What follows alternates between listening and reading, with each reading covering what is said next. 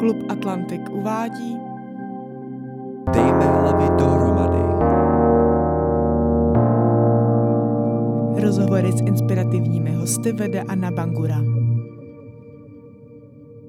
Milí posluchači, vítejte u další epizody podcastu Dejme hlavy dohromady, který navazuje na stejnojmený besední cyklus klubu Atlantik. V dnešním díle si budeme povídat na téma Lidé a tma a přivítáme zde dnes rovnou dva hosty. Jsou jimi psycholog Marek Maluš a astronom Marek Kolasa. Dobrý den. Dobrý, Dobrý den. den. Tak já bych se hned na úvod zeptala na takovou důležitou otázku, co je to vůbec tma, dokážete nám tento pojem přiblížit? Tak já bych to jednoduše přiblížil tím, že tma je prostor bez fotonů. Jednoduše. To znamená prostor bez světla. Takže tam, kde není nějaký zdroj světla, tak tam bude tma. A jak můžeme vnímat tmu spíše z psychologického hlediska? Eh, Já bych k tomu z psychologického hlediska rovnou dal i to fyziologické hledisko, přestože nejsem fyziolog ani lékař, tak eh, je to oblast, kterou se zabývám. A to, to zásadní je, že tak, jak náš lidský organismus potřebuje světlo a nikoho to nepřekvapí, tak také náš organismus potřebuje tmu. A to je možná něco, co si spousta lidí uvědomuje, ne, ale možná v tom rozměru, že potřebujeme obě tyhle kvality vyváženě, v dostatečné množství, v dostatečné kvalitě. A to, co je na tom nejpodstatnější, je to je vylučování velmi často skloňovaného hormonu melatoninu. Tento hormon, nazývaný jako hormon spánku, spíš možná přesněji jako hormon tmy nebo hormon noci, tak je hormon, který se vylučuje právě ve tmě, a v noci. Nicméně pokud je noc a my si svítíme, tak on se nevylučuje. Udává se, že se začíná vylučovat až nějakých 90 až 120 minut poté, co jsme vystaveni tmě, nebo co, co nejsme vystaveni světlu, hlavně, hlavně tedy modré vlnové délce světla, která je součástí toho jasného bílého světla a je třeba častěji obsažena v nějakých zářivkách nebo letkách, ačkoliv v poslední dobou se to začíná měnit a už i technika se tomu přizpůsobuje. A tomuto jasnému bílému světlu bychom tedy neměli být vystaveni před spánkem, protože jednak nám může způsobovat odložení nástupu spánku, a také nám způsobuje nedostatečné vylučování tohoto hormonu melatoninu, který má výrazný imunomodulační vliv. Velmi výrazně ovlivňuje naši imunitu, ovlivňuje reparační procesy v našem organismu. A tím, že se vylučuje pouze v noci a pouze ve tmě, tak pokud si ho nevyloučíme, nevyprodukujeme dostatek v noci, tak nám potom jednoduše chybí. A my to nepoznáme hned, ale v řádu měsíců, mnoha měsíců a let potom můžeme začít trpět různými tělesnými problémy, které vlastně mohou mít tu příčinu už dávno, dávno předtím a my si to s tím úplně nedokážeme spojit. Ale ta, ta medicínská evidence už je dost rozsáhlá. A já možná, než abych o tom teď tady mluvil více, tak bych klidně udělal reklamu a odkázal na velmi pěknou epizodu právě o tomto tématu, která vyšla před několika dny na portálu Stream.cz, kde v pořadu a dost je tohle téma diskutováno. Téma používání smartphonů, toho bílého světla před spaním, jak vlastně, jak na tu spánkovou hygienu, třeba používání zatemňovacích závěsů hmm. a tak dále. Protože to, co je tam to hlavní, ten hormon pokud se ho nevyloučí dostatek, tak v dlouhodobém opakovaném nedostatku tohoto hormonu v našem těle nastávají nežádoucí efekty na mnoha úrovních a může to jít třeba úplně i směrem k rakovině. Takže vlastně tím, co jste naznačil, je to, že nějaká ta přirozená rovnováha v rámci eh, tmy a světla existuje a my si ji tak trochu narušujeme sami svou ano. činností. Tím se dostáváme podle mě k tématu světelného znečištění, kterému by nám mohl říct něco více pan Kolasa. Co je to vůbec světelné znečištění a jak vzniká?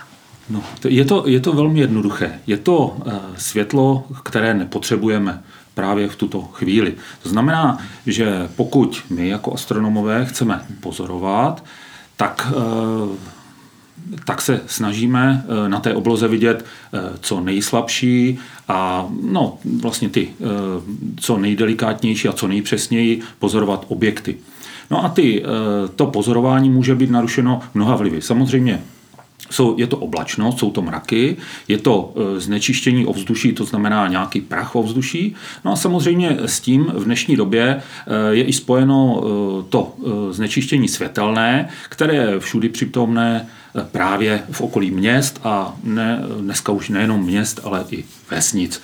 Je to jednoduše rozptýlené světlo, které se rozptyluje v ovzduší a samozřejmě čím více toho prachu je v tom ovzduší, tak i toho světla, to světlo je více rozptýlené. A světlo se nerozptyluje samozřejmě jenom v místě toho, eh, toho zdroje světla, ale je, eh, rozptyluje se do dálky, protože eh, je to takové, taková povaha toho vlnění. Vy jste už hned na začátku tady toho zmínil, že je to světlo, kdy bychom měli svítit jenom, kdy potřebujeme. Ale to je docela dost taková relativní otázka, kdy opravdu potřebujeme svítit a kdy ne. Není to u každého jiné? No, samozřejmě eh, osvětlovat eh, potřebujeme. Potřebujeme ve městech, potřebujeme eh, na cestách, potřebujeme osvětlovat proto, abychom se dostali bezpečně domů, abychom někde nezakopli, aby motorista, který jede někde vesnicí nebo městem, aby nikoho nesrazil. K tomuto světlo je samozřejmě důležité a k tomu ho potřebujeme. Jinou věcí je to, jak vlastně to světlo eh, používáme, kterým směrem ho směrujeme, protože my, abychom eh, to světlo využili eh, v nejlepší míře, tak my potřebujeme, potřebujeme, aby nám svítilo pod nohy, aby svítilo z hora dolů, abychom tedy viděli na tu cestu. Ale pokud se podíváte do měst, dneska už i do vesnic, tak to světlo nejenom svítí směrem dolů, ale e, svítí také e, do všech různých směrů. Jsou to reklamy, ale i špatně e, vyrobená svítidla, které svítí, jak my říkáme, do horního poloprostoru, to znamená na oblohu. A jaké jsou případy ještě takových světel a proč vůbec vznikají špatně nainstalovaná světla? Samozřejmě proč? Eh, je to, je to velmi takhle těžké. Asi je to eh, dáno eh, těmi konstruktéry těch světel, kteří třeba o tom světelném znečištění a problematice světelného znečištění dříve nevěděli nic. Dneska hm, už toho ví samozřejmě více, takže vznikají lepší a lepší svítidla, ale stále v tom našem životním prostoru těch špatných svítidel Dneska to jsou i hodně ty reklamy, které nám svítí eh, ve všech městech a ty eh, neřeší to, jestli mám, nám mají osvětlit, já nevím, cestu, když se vracíme domů, ale oni nás chcou samozřejmě e, osilnit, oni nás chcou ohromit, abychom si všimli, že tam e, nám něco sdělují. Tady mě hned napadá otázka, proč vlastně takové reklamy svítí v noci, kdy je daleko menší pravděpodobnost, že si jich vůbec někdo všimne. To už samo o sobě je dost nelogičné. Je to tak a nejsou to jenom reklamy, ale je to třeba například nasvícení různých památek a kostelů, na co my dneska potřebujeme ve dvě hodiny ráno svítit eh, na nějakou sochu nebo kostel. Ano, svítíme na ně, já nevím, v 8, v 9 hodin večer, kdy lidé eh, korzují v tom městě a dívají se, ale proč eh, na ně svítit prostě v, dobu, v dobách, kdy, já nevím, 99% lidí je doma a spí. A myslíte si tedy, že je to tím, že tomu nebyla přikládána nějaká vážnost, že ty světla v podstatě svítí navíc a nejsou potřeba a až teď se ukazuje, jaké to má dopady?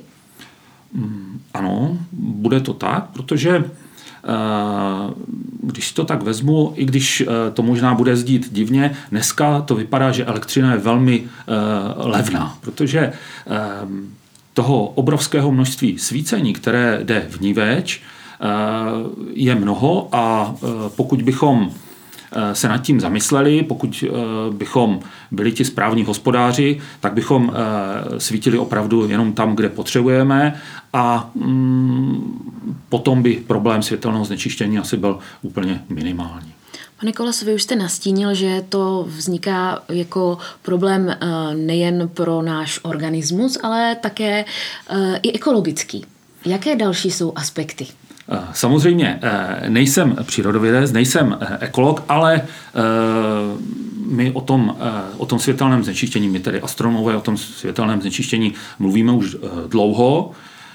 my jsme samozřejmě rádi, že teď se na to posledních letech stále zaměřuje větší pozornost i ostatních lidí. No a z logiky věci víme, že existují mnoho milionů let organismy, které žijí v noci a potřebují tmu k tomu, aby správně fungovaly takový ten eh, klasický ekosystém. Jsou to, je to, jsou to různé druhy hmyzu, jsou to šelmy, které eh, loví v noci, netopíři a další a další. No a eh, tito živočichové při, tom, při té přemíře světla mohou mít problém. Určitě známe takové ty záběry těch lamp, které jsou úplně oblepeny velkým množstvím hmyzu, který, který je přitahován tím světlem těm lamp a vlastně u těch lamp i končí jeho život, protože ten hmyz letí velkou vzdálenost, je u té lampy nic, žádnou potravu nezíská a umírá tam. Takže ty dopady jsou uh, celkově v řetězovém rámci pro celý ekosystém a pro všechny. Ano, ano. Eh, ne, nemusí to být samozřejmě jenom hmyz. Někdo řekne, tak dobře, tak třeba ti netopíři eh, se mají velmi dobře, protože oni přiletí k té lampě a tam se velmi dobře nakrmí, ale pokud ten hmyz vymírá, a dneska víme, že toho hmyzu ubíhá, ubývá ve velkém množství, tak zanedlouho ani ti netopíři a případně další dravci, kteří se živí hmyzem, tak eh, nebudou mít tu potravu.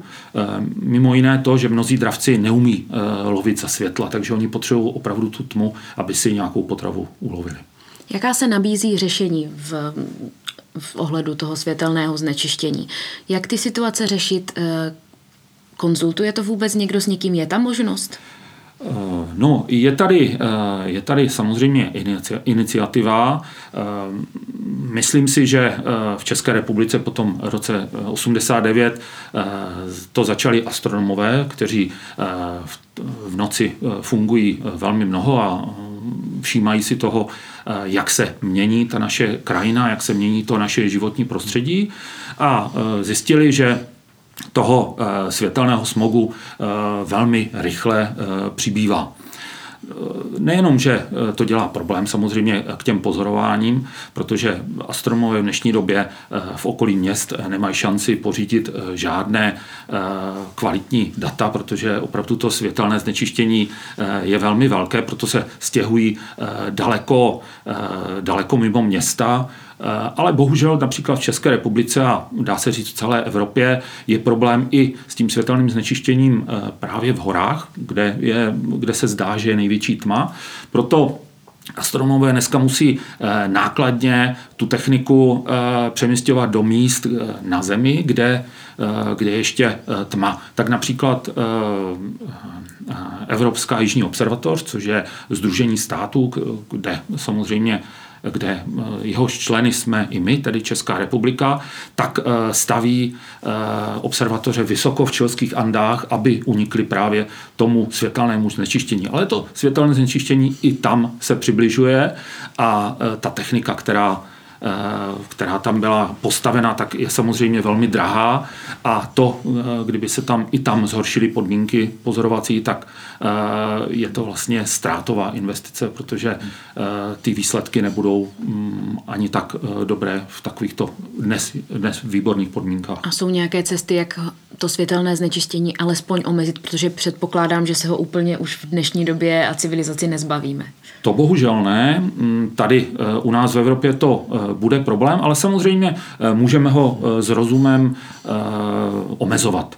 Eh, můžeme ho omezovat tak, omezovat tak nejenom, abychom pomohli samozřejmě astronomům, jak říkám, ti astronomové to dneska mají těžké a uh, asi, uh, asi je jednodušší si zaplatit čas někde právě na té observatoři třeba v těch, v těch čilských Andách, než si tady stavět a hledat nějaké tmavé místo v Evropě, ale Můžeme tím pomoct i eh, zdraví lidí, o kterém jsme tady mluvili, ještě eh, budeme mluvit. Můžeme tím eh, pomoci živočichům a ta pomoc je velmi jednoduchá. Měli bychom svítit přesně tam a účelně jenom kde potřebujeme. To znamená, lampy by neměly svítit, jak jsem říkal, někde nahoru, na oblohu, měly by svítit svítit dolů, tam, kde chodíme, kde se pohybujeme. Měly by se možná omezit i reklamy. No a hlavně to svícení by nemuselo jet po celou noc, respektive ne v takové intenzitě, jakou, jakou dneska jede. To znamená, když jsme se bavili o těch, o těch dobách po půlnoci, tak dneska existují technologie, které jsou schopny eh, tu intenzitu eh, světla snížit tak, eh, že budeme šetřit energii, budeme šetřit naše společné peníze a tím i můžeme šetřit naše zdraví, případně ten zdravý ekosystému. Tady z toho, co padlo za různé názory, tak mě vyvstává otázka, že není to jenom uh, samozřejmě téma pro astronomy, jak už jste říkal, pro přírodovědce, ale také nejspíše pro lékaře, kdy je zde změna i ve vidění. Samozřejmě světlo tma, tam jsou ty rozdíly. A tak mě napadá z toho zase hlediska psychologie, nemáme my jako lidé větší strach ze tmy? V dnešní době, protože předpokládám, že v minulosti lidé byli více uh, přivyknutí nějakému tomu přirozenému stmívání, tomu kontrastu světla tmy. Nevyvolává to v nás strach z toho neznámého? Popravdě tuto otázku jsem neskoumal. Eh, nabízí se, je to legitimní otázka. Eh, možná to tak je, že opravdu v minulosti, když ti lidé neměli na výběr, než, než být té tmě vystavení tak, jak jim to diktovala příroda, tak s ní byli mnohem více zpěti a mnohem přirozeněji v ní fungovali a my, když máme ten komfort a ten luxus, že si můžeme rozsvítit kdykoliv chceme, tak se vlastně vzdalujeme tomu přirozenějšímu vztahu k temnotě. Takže je to možné, že, že se jí obáváme více. Nedokážu na to ale odpovědět na základě nějakých vědeckých studií. Mě totiž napadlo, že mm, tam padlo na stránkách světelného znečištění, že velkou otázkou je bezpečnost, že mm, samozřejmě jsou ty argumenty na to, že v noci, když někdo třeba jde ulicí, tak se bojí, je tam ten strach. Jaké jsou řešení v těchto těch případech, kdy to je opravdu důležité téma, si myslím, je to závažná věc a jak nabídnout alternativu k tomu světlu tak, aby to těm lidem vyhovovalo, aby to bylo akceptovatelné. Bezpečnost eh, není o tom mít co nejvíce světla, ale eh, účelně svítit, protože eh, Není to samozřejmě jenom bezpečnost, bezpečnost lidí, ale je to například i bezpečnost silničního provozu. No a určitě všichni se pohybujeme ve městě a nejenom ve městě a víme, že mnohá svítidla jsou špatně směrována a e, ty při, to, při, například při řízení auta nám dělají problém v tom, že nás osilňují. Takže nejenom protijedoucí auta, ale některé e, lampy reflektory e, nás osilňují. No a tam může být problém v tom, že právě to, ta přemíra toho světla může být tím nebezpečím.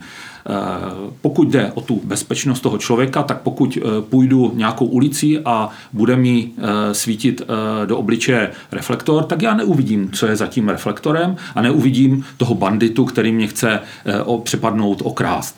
Jo? Takže pokud tam bude vhodné svítidlo, které bude svítit tak, že bude svítit dolů a nebude mě osilňovat, tak já uvidím i, co je za tím svítidlem a tím pádem mohu se rozhodnout, jestli tou ulicí půjdu nebo ne. Podobně to je i u toho, eh, u toho řízení motorových vozidel. Když eh, mám tady několik příkladů i z Ostravy, když například eh, se pohybuji z Ostravy jedu do Havířova, tak na Rudné ulici kolem Nové Huti tam je mm, nějaké osvětlení toho areálu a jedna nebo několik lamp svítí přímo na tu silnici. Ta silnice není přímo osvětlená, ale eh, já když jedu, tak já nevidím, co je přede mnou a vidím akorát to osilňující světlo. Takže pokud by se tam pohybovala nějaká zvěř na té silnici, tak eh, já bych eh, měl samozřejmě, nebo dávám mnohem větší pozor, protože to, co je přede mnou ve vhodné vzdálenosti, nevidím. Takže je to otázka spíš ne absence světla, ale často je to otázka míry světla jak pracovat s tou mírou světla například v podzimních a zimních dnech a večerech, protože tady je ta otázka opravdu těžká, kdy eh, tomu máme svým způsobem třeba už od 4 hodin odpoledne. Tak eh, jak říkal eh, tady kolega, tak eh, střídání eh, dne a noci je naprosto přirozená věc, eh, která nás doprovází ne poslední desítky, stovky, ale samozřejmě miliony let, celý, dá se říct, vývoj člověka, takže ten lidský organismus je na to zvyklý. Takže to, že je dneska ve 4, v 6 hodin tma, tak to není problém pro organismus. Problém je možná proto, že nemůžeme, pokud bychom si nerozsvítili, tak bychom nemohli eh, dostatečně dlouho pracovat. Eh, ale eh, zase je otázkou toho vyvážení, jestli v dnešní době právě nepoužíváme to světlo moc a nepřestěžujeme ten organismus natolik, že, že naše tělo, jak jsme se bavili, nebo jak kolega říkal, že tady jsou, že světlo může být i nějakým způsobem eh, původcem eh, nějakých chorob. Mluví se o různých rakovinách, mluví se o vysokém tlaku, mm, slyšel jsem eh, o cukrovce. Jo, to jsou takové nemoci, které možná naši předkové neznali, pro nás jsou, dá se říct, normální a teď se musíme zamyslet, jestli to je jenom naší životosprávou, anebo jestli třeba do toho nezasahuje i třeba to nevhodné střídání toho světla a noci, dne a noci. Ono je to v podstatě dost revoluční myšlenka, protože ten svět je přizpůsoben tomu fungovat nonstop v jakoukoliv eh, roční dobu. A tak mě napadá, jestli máme nějakou cestu, jak si to sami trochu lépe přizpůsobit, když už je třeba ta zima, nebo jestli my máme tu možnost nějak to ovlivnit. Hmm. Ano, myslím si, že ty možnosti jsou. A tady bych navázal na ten předchozí dotaz.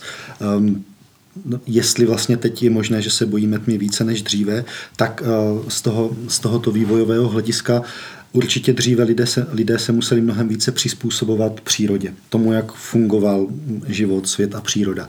A nyní s těmi technologiemi my si přizpůsobujeme tu přírodu našemu fungování, což samozřejmě eh, je výhodné, má to své eh, světlé stránky třeba z hlediska toho, že jsme efektivnější, uděláme víc práce, pak si vyděláme třeba víc peněz, pak jedeme na dovolenou, kde se regenerujeme z toho, že jsme si vydělali víc peněz, tím, že jsme měli více práce. A takže vlastně ta, ta světlá stránka se najednou stává tou stěnou jinou stránkou, a, ale hlavně máme tedy ty možnosti, jak si tu přírodu modifikovat. A tady, tady už padaly ty informace o té intenzitě světla, směrování světla a já jsem to nakousl na začátku, že existují také různé druhy eh, kvalit světla.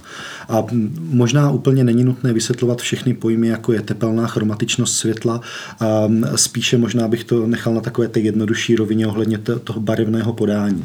A jak, jak se rozvíjí technologie a my získáme levně, získáváme levnější světelné zdroje, což jsou třeba ty letky, tak eh, hlavně dřív, ono se to v dnešní době už mění, protože už se to dostává více do povědomí, ale ty letky eh, svítily hodně jasně, bílé, nesvítily úplně rovnoměrně v celém tom světelném spektru, takže ani vlastně to barevné podání nebylo přirozené. Nebylo takové, jak je přirozené, jako když svítí světlo, um, slunce, nebo jako když svítí klasická wolframová žárovka, která je velmi, velmi přirozená a velmi blízká tomu, uh, tomu slunečnímu světelnému zdroji. A tyhle naše moderní zdroje světla, které byly úspornější, levnější, tak vlastně uh, mohly mít taky negativnější dopady na nás uh, z hlediska toho, že nás třeba zbytečně nabuzují. A teď, jak to zjišťujeme, tak můžeme i ty modernější světelné zdroje upravovat tak, aby opět byly pro nás přirozenější a lepší, a nebo my sami, protože potom zase tyhle technologie jsou dražší, eh, můžeme zvážit, jestli eh, když je den a chceme být aktivovaní a vlastně nechceme, aby se nám vyplavoval ten melatonin, který nás vede do útlumu a regenerace, ale chceme přes den eh, fungovat, tak si můžeme přisvítit nějakým tímto, řekněme, také další pojem, který jsem ještě nezmiňoval, je plnospektrální světelný zdroj.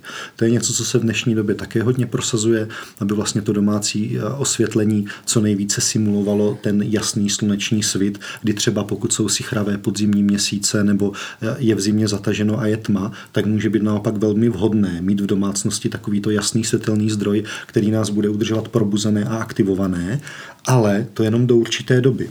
A, a pokud se v, příro, v přírodě přirozeně dříve stmívá, tak my bychom se přece jenom trochu tomu měli přizpůsobit a netvářit se jako, že celý den je, celý rok je léto, kdy je většina dne světla.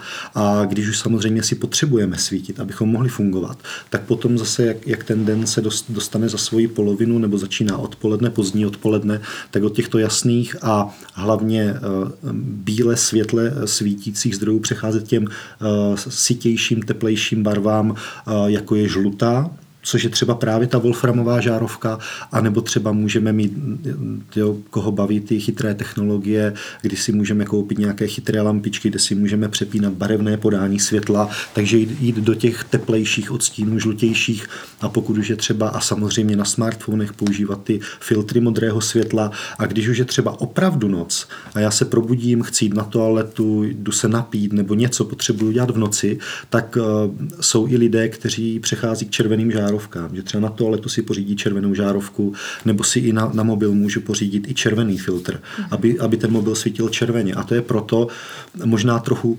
kontraintuitivně, protože býka červená, červená barva rozdráždí, a, ale u nás na základě toho fyziologického, co se děje v našem mozku a v těch hormonech, a, a, tak červená barva je nejméně rušivá a nejméně nabuzující. A je to vlastně barva, která se nejvíc blíží černé tmě.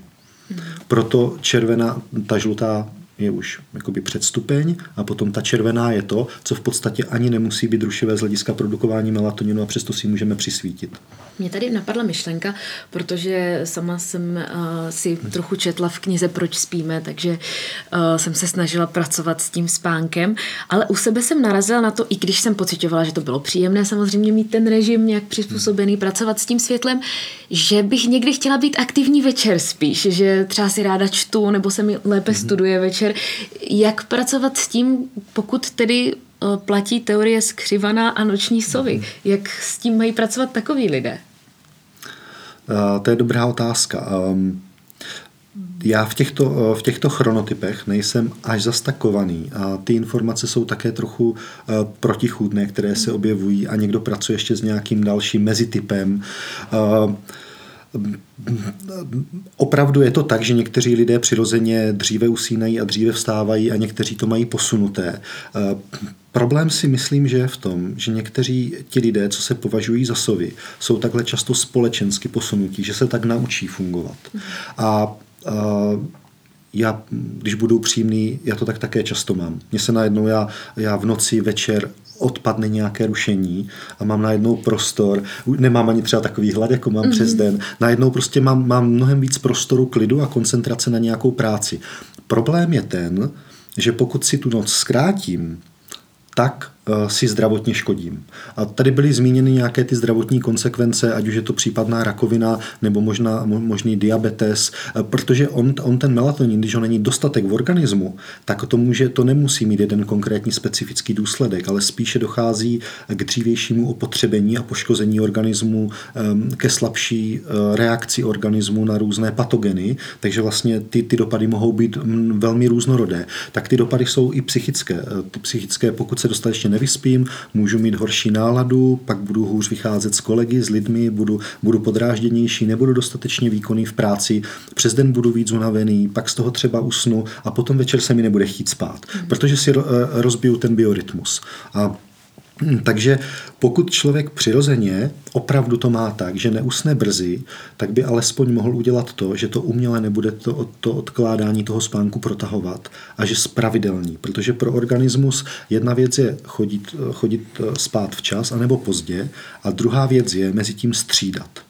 A když už teda člověk chodí později, než by bylo optimální, nechodí se slepicemi, což chodí málo kdo, tak alespoň ať chodí pravidelně, protože ta pravidelnost v tom organismu znamená, že ten organismus se třeba i lépe adaptuje na to vylučování melatoninu. A když si tedy tu noc zkrátím z jedné strany, tak bych si ji měl protáhnout z druhé strany. Takže když už je to tak, tak si alespoň pořídím kvalitní zatemňovací závěsy, které mi nepropustí tolik toho světla ráno.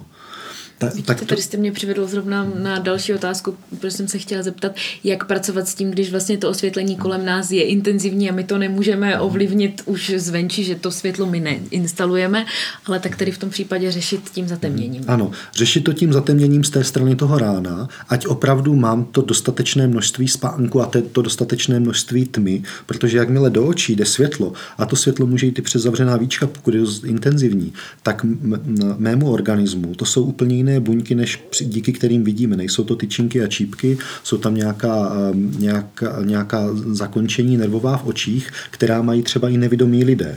A jakmile tady tyhle nervové buňky dostanou impuls o tom, že na ně dopadá světlo a hlavně teda ta modrá vlnová složka z toho světla, tak to mění seřízení cirkadiánních hodin nebo cirkadiánních rytmů a, a seřízení našeho mozku, tam nějaké suprachiasmatické jádro a to zase možná není tak podstatné jako to, že to náš, eh, náš organismus to desynchronizuje. Ono ho to mate.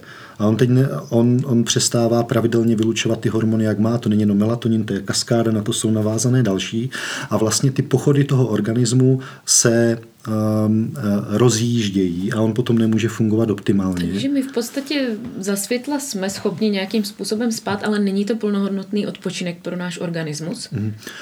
Um, ten plnohodnotný odpočinek pro ten organismus to obvykle není tehdy, když je to nepravidelné a není to tehdy, když to množství světla je dostatečné. Já vám neřeknu přesnou tu hladinu. Neřeknu vám, od jaké intenzity světla to projde přes víčka, aby, aby to vlastně rušilo ten melatonin. Ale, ale jedná se tam i o to, že ten melatonin má vždycky nějaké spoždění. Takže já kdybych si řekl, že jsem si noc zkrátil o dvě hodiny a dám si dvě hodiny spánku odpoledne, za prvé si roz, rozbijím ty cirkadiální rytmy a za druhé za ty dvě hodiny spánku odpoledne, i kdybych na ty dvě hodiny šel do absolutní tmy, tak se mi patrně vůbec nestihne melatonin vylučovat. E, Protože ty dvě hodiny jsou krátké, krátká doba, tam je to spoždění a také proto, protože on se vylučuje především v noci. Takže to je taková ta klasická situace, kdy si zdřímneme po obědě, pak se po té hodině probudíme a cítíme se v podstatě ještě hůř, než jsme byli před tím spánkem. Vlastně jsme úplně zmatení a vyřízení, protože jsme narušili ten rytmus toho těla. Mhm, ano. E, Ono je rozdíl mezi relaxací nebo takým krátkým šlofíkem, tím zdřímnutím si, kdy člověk si lehne třeba na 20 minut plus minus, e, kdy se nedokáže propadnout do hlubokého spánku, ale může v tom okamžiku i nakrátce zadřímnout a pak, když se probudí, ideálně teda to raději pojistit budíkem, aby, aby opravdu došlo k tomu hodinovému nebo dvouhodinovému spánku. Když se potom probudí, tak možná někdy s větším, s kratším nebo delším probo, probouzením najednou zjistí, že ho to osvěžilo a pomohlo mu to. To je jiná věc. Využít toho šlofíku třeba v té, v té fázi odpoledne, kdy zase dochází k dočasnému poklesu, protože to také většina lidí má. To, to v podstatě může být zdravé, taková to 20-minutová relaxace s krátkým zdřímnutím, ale ten hodinový spánek už dobrý není. A ještě se trochu vrátím k té otázce. I když si tedy zkrátíme tu noc a prodloužíme si ráno i těmi zatemňovacími závěsy, pořád úplně neošidíme ty cirkadiální rytmy v našem organismu, které si pamatují, které jsou naučené dlouhodobě, kdy bývá ta noc a kdy bývá ten den. A stejně, když my si to ráno posuneme v té absolutní tmě, vůbec nemáme zaručené, že ten melatonin se o tu dobu dél bude vylučovat. Ale když už, opět to ještě doplním zase zpět, když teda, protože já tomu rozumím, někdy tu potřebu máme, někdy musíme, někdy je nám to příjemné, někdy konečně mám prostor pro sebe. No, teď mě nikdo neruší, já můžu a chci si třeba číst, anebo potřebuju na něčem pracovat, tak alespoň redukovat to osvětlení, redukovat jeho intenzitu a měnit tu, to tepelné podání směrem ke žluté až červené, ať ten organismus se přirozeněji připravuje na to, že bude noc a on si přirozeněji řekne, teď už jsem unavený. Jakmile budu um, čumět do mobilu a ještě třeba si budu projíždět nějaký Instagram, který mě baví, pořád bude střídat ty podněty, tak mohou být tři hodiny ráno a já nebudu unavený subjektivně, ale to tělo bude chtít spát, jenom já vlastně ty přirozené impulzy ke spánku přebiju. Takže podstatě, když to tak přiblížíme, tak jsme zvenčí docela dost rušení různými podněty a ta noc nám nabízí ten prostor pro odpočinek, protože vlastně, když jste řekl to, že člo, člověk má večer tu chuť jako si odpočinout, že má ten klid, tak to přesně odpovídá tomu vlastně, proč mě to někdy láká, protože opravdu mám pocit, že mě neruší auta, okolní ruch a přesně tohleto uh, přílišné osvětlení a tak dále, takže Ta tma je důležitým faktorem pro relax. Jak tedy se tmou můžeme pracovat?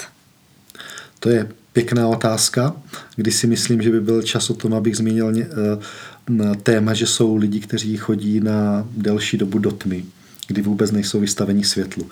A velmi rád o tom něco řeknu. Tak řekněte nám něco. Věnujete se tedy terapii tmou. Jak dlouho se jí věnujete, kde vznikla a proč vlastně? Proč lidé vyhledávají tu tmu? Ano, věnuju se výzkumu takzvané terapie tmou. Je takový laický název, když se pohybuju v odborných kruzích, tak je to vlastně něco, co dříve bylo známo jako, nebo spadalo by to výzkumně odborně akademicky do oblasti zvané senzorická deprivace, později do oblasti nověji takzvaná omezená nebo snížená zevní stimulace. Jednoduše z toho vnějšího prostředí k nám nejde tolik stimulů, eh, které by nás ehm, aktivovaly, které by nám dávaly eh, ty podněty pro zpracování nervovou soustavou a to je samozřejmě zejména světlo, tma, proto, proto ta terapie tmou, ale ono tady tahle, tahle technika v tom snížené, v tom prostředí snížené stimulace eh, pracuje také s výrazným omezením sluchových podnětů, eh, pracuje také se sociální izolací nebo minimálně se snížením těch sociálních podnětů, protože je to, je to technika nebo procedura, kdy člověk sám většinou sám, někdy mohou být párové pobyty, ale budeme se mm, teď věnovat asi, nebo zejména tom, tom, tomu hlavnímu, sám pobývá v prostoru nějakého apartmánu, nějaké chatky, kde má většinou nějakou jednu pobytovou místnost, pak tomu předsíňku. Po několik dnů, nejčastěji po dobu jednoho týdne. A celou tu dobu je v absolutní tmě, ve velmi intenzivním tichu. To, to ticho je málo kdy absolutní a už jenom proto, že si sami můžeme vytvářet svoje vlastní podněty, můžeme si zpívat, můžeme křičet nebo jo, dupat, fuň, můžeme někdy funět, ale, ale světlo si nevytvoříme sami od sebe. A, a potom ta, ta sociální izolace uh, také bývá narušována, protože obvykle jednou za den nás navštěvuje ten, kdo se o nás stará, kdo nás vlastně, kdo nás dohlíží v tom prostředí, Takže zajišťuje tam nám stravu. úplně sami Uh, ne- vystavení úplné samotě. Nejsme a můžeme být. Je to, je to na tom člověku a na dohodě s tím opatrovníkem, s tím poskytovatelem, u koho si takovýto pobyt zaplatí.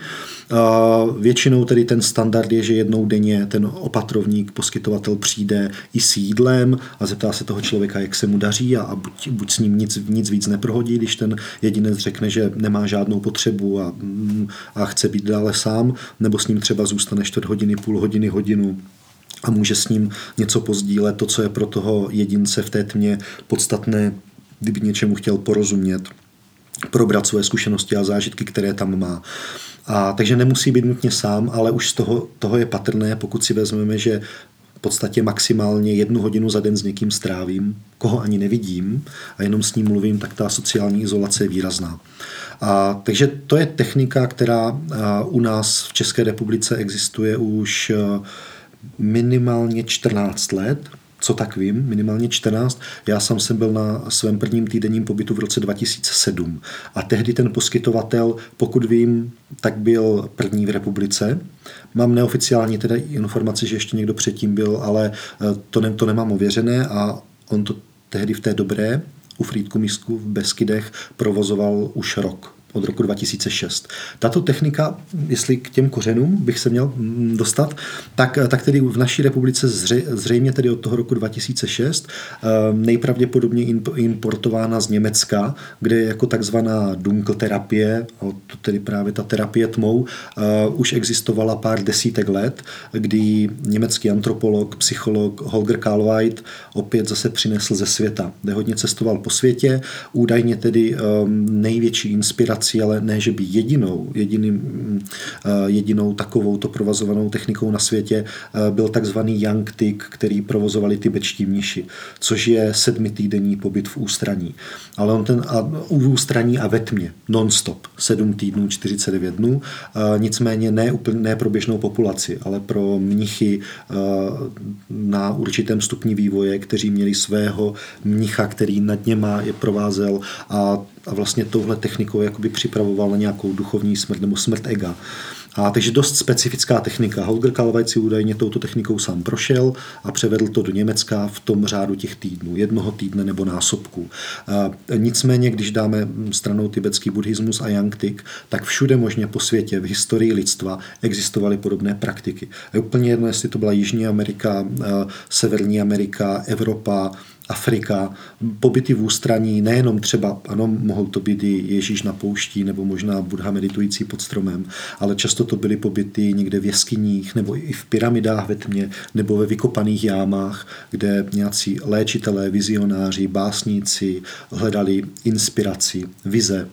A třeba do současné doby a, takové těch praktiky existují do současné doby a co je tomu například dodnes velmi podobné, tak hodně začíná být e, populární moderní ayahuasková léčba. E, léčba závislostí, která je hlavně tedy rozvíjená v Peru a tam součástí toho, než, než se přijde k těm ayahuaskovým ceremoniím, tak je několika až týdení třeba pobyt o samotě v chýši. Není to úplně ve tmě, ale je to v chýši, kde není elektřina, takže tam je to přirozenější střídání ehm, světla a tmy. Ten jedinec je tam o samotě a čistí se a připravuje, takhle se vlastně jako vnitřně detoxikuje tělesně i duševně a připravuje se na tu léčbu. No a teď nevím, jestli mám rovnou... To... Pokud nejsme tedy mnichy nebo mm, někdo, kdo by se chtěl hmm. léčit ze závislosti, pro koho ještě je určena ta terapie? V podstatě přesně, jo, eh, nahráváte mi, eh, takhle tímto směrem jsem chtěl pokračovat. No a takže my máme nějaké, měli jsme nějaké ty praktiky, kde eh, v podstatě všude po světě, v historii lidstva, které byly většinou zaměřené pro specifickou sortu lidí. A když to ten Holger Kalweit eh, donesl do Německa, tak to taky trochu převzal té inspirace nějaké mm, konfrontace možná se smrtí, s vlastní smrtelností, ale už to začal nabízet běžné populaci. A jakmile se to dostalo k nám do republiky, tak uh, začalo to před nějakými 14, už možná 15 lety. Uh, tak za, za, za tu dobu máme hodně poskytovatelů, zhruba kolem 20, přes 20 poskytovatelů v republice. Někdo má jednu komoru, dvě komory, někteří čtyři komory, tedy tou komorou myslím ten apartmán, to zařízení pro toho jednoho člověka. Takže máme vlastně až nějakých 50 pobytových jednotek, kde můžeme podstoupit tu tmu. A on každý ten poskytovatel to uchopuje trochu jinak. Někdo jde více ve stopách Holgra Kalvajta, eh, někdo třeba v Beskickém rehabilitačním centru, doktor Urbiš to zaměřuje více na to fyziologické fungování, tělesné fungování fungování a na ty, na ty možné léčebné zdravotní benefity. Já osobně zkoum, se snažím zkoumat ve spolupráci s lékařskou fakultou a s doktorem Pavlem Švorcem, jak ty psychologické, tak také ty fyziologické aspekty. Jednu takovou uh, menší studii právě zaměřenou na melatonin uh, um, dokončujeme ve spolupráci s Národním ústavem duševního zdraví. A uh, ty, to, co, to, co sledujeme, nebo to, co mě za tu dobu toho výzkumu napadá, tak, tak kromě toho, že opravdu nejrůznější lidi z populace se uchylují k této technice a mají chudí vyzkoušet. Ačkoliv většinou to jsou lidi s, věč, s vyšším vzděláním, alespoň střední lidi se základním vzděláním tolik moc zájmu nemají, tak, tak lidi se středním a s vyšším vzděláním tuhle proceduru podstupují v podstatě ze všech možných společenských sort, muži, ženy, velmi podobně, vyrovnaně. A jsou to lidi, kteří hledají třeba jenom možná něco nového, zažít něco nového, zkusit si své limity, jak na to zareagují, co se o sobě dozví. Někteří jedinci to mají více zaměřené ezotericky, spirituálně, duchovně, chtějí lépe poznat sami sebe nebo prohloubit vztah s Bohem, meditovat, zkusit, jestli zažijí jiné změněné stavy vědomí. Někteří jedinci uh, se víc, víc možná doufají v nějaký terapeutický efekt na té duševní rovině, že se potýkají s nějakými problémy, s nějakými nespracovanými tématy a chtějí ten prostor využít právě pro takovou tu vnitřní, uh, vnitřní léčbu, vnitřní terapii a někteří doufají, že si tam mm, vyřeší některé tělesné neduhy. To je oblast, která ještě je zatím nedostatečně proskoumaná, ty mechanizmy účinku. Já tam nějaké hypotézy mám a pro mě zatím je to o tom, že protože spousta těch tělesných symptomů může být takzvané psychosomatické povahy.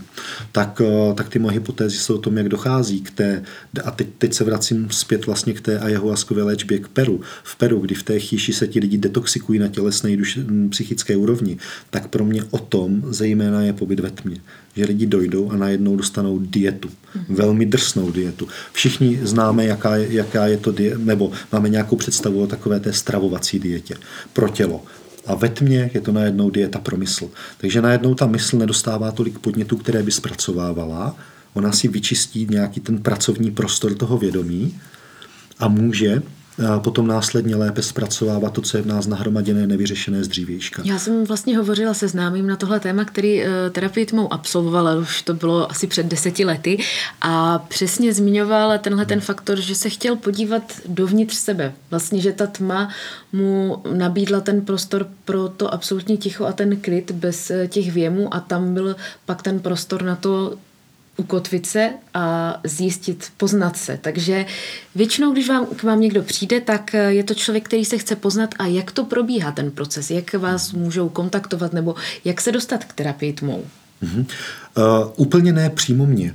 Protože já nejsem poskytovatel, provozovatel, jsem vědec, vědecko-výzkumný pracovník fungující na univerzitě a který je rád, když se s některým poskytovatelem domluví na možném výzkumu. Takže mě takhle lidi kontaktovat nemohou, nebo někdy ano, někdy ve spolupráci s některým konkrétním poskytovatelem, když tak jdou, tak se obrátí na mě, že by chtěli, abych já byl jejich dodatečný průvodce, který je bude psychoterapeuticky provázet tím procesem, což někdy vzácně dělám, jak mi to umožňuje kapacita.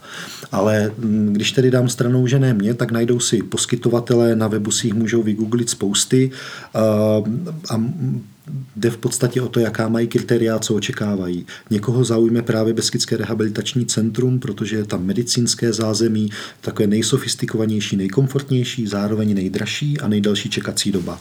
A někdo si vybere mezi těmi ostatními poskytovateli kterých v podstatě v Beskydech je nejvíc. Další takový je třeba poskytovatel pro terapii tmou v Kozlovicích, ale jsou mnozí jiní. U Brna je poskyto, a u Kolína, je, je jich opravdu nespočet. A já bych to řekl tak, ať si ten jedinec, um, prohlédne ty webové stránky, jak na něj působí, jestli se mu to líbí. Potom by stejně měl napsat tomu opatrovní, tomu poskytovateli, že kromě toho, že si může zarezervovat nějaký termín v, v, v kalendáři, takže by mu napsal, může mít třeba nějaké dotazy a uvidí, jak na něj zareaguje. Ať si vybere zařízení, které se mu bude líbit a hlavně, kde se mu bude líbit kontakt s tím poskytovatelem. Potom asi nějak to je různé, zaplatí nějakou částku, přijede na místo, prohlédne si ten prostor, když ho ubytová poskytovatel, tak to vidí samozřejmě za světla. Většinou je tam tedy ta jedna přecínka, kde je toaleta, sprchový kout, umyvadlo, někdy bidet. A potom je ta hlavní pobytová místnost, kde je postel, často nějaké křeslo, někdy tam může být rotoped, něco, aby se ten člověk mohl trochu cvičit nebo minimálně to mě zajímá matka. právě ta praktická stránka ještě k tomu, jak eh, může člověk vůbec vykonávat běžné činnosti ve tmě, když ten prostor nevidí, protože takže představíme si klasickou situaci, vstaneme v noci, chceme si odskočit a zakopáváme, křičíme, bolí nás prsty, jak jsme se nakopli, tak jak to probíhá v tom apartmá ve tmě, aby se nám nic nestalo. Hmm. Prvním tím krokem je, opravdu se s tím prostor, prostorem dobře seznámit za světla. A protože ten prostor obvykle není příliš velký, tak to není tak těžké. Potom po prvním zhasnutím to zase může být různé poskytovatele od poskytovatele. Někde vyloženě ten poskytovatel zhasne a řekne, teď si ten prostor projděte pod mě, já se vrátím za pár minut a řeknete mi, jestli ještě potřebujete rozsvítit nebo se orientujete. No a, a potom je to o tom, že člověk musí zpomalit.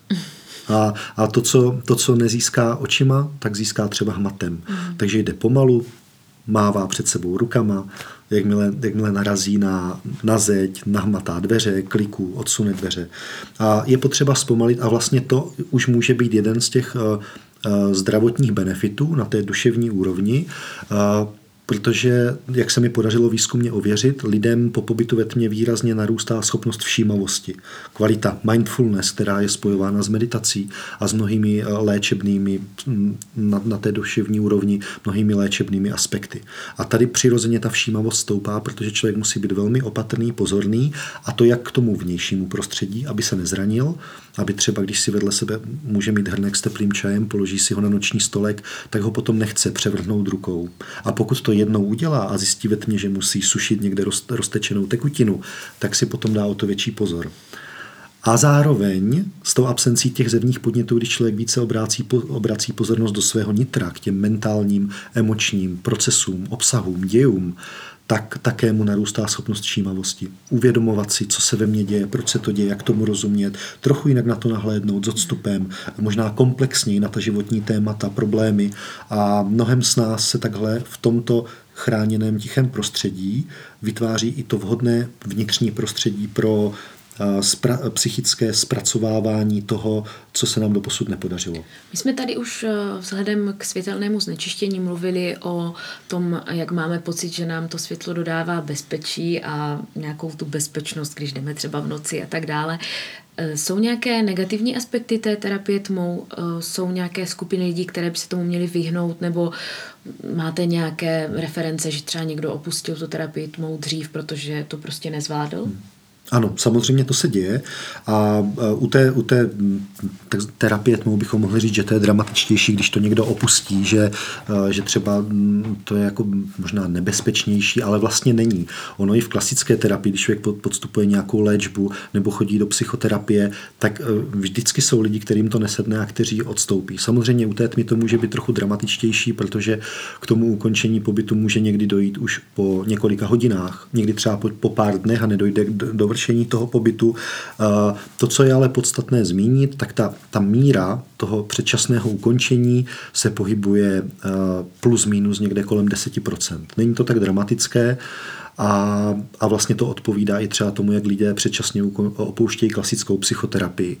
Um, ty skupiny, pro které to není vhodné, tak ano, určitě to není vhodné pro každého, ale v zásadě je to vhodné pro každého průměrně zdravého člověka, teď zdravého ve smyslu opravdu široké normy, který v tom vidí pro sebe smysl a láká ho to podstoupit ze svých vla- vnitřních pohnutek. Jo, jakmile to někdo dostane třeba dárkem, nebo je k tomu běž tam, to by ti mohlo pomoct, mohlo by tě to zajímat, takový člověk pravděpodobně odejde předčasně. Ne, samozřejmě ne vždy, ale, ale mnohem pravděpodobněji. No a když tam tedy už ten člověk je, tak většinou to také zvládne a většinou z toho pro sebe něco vytěží.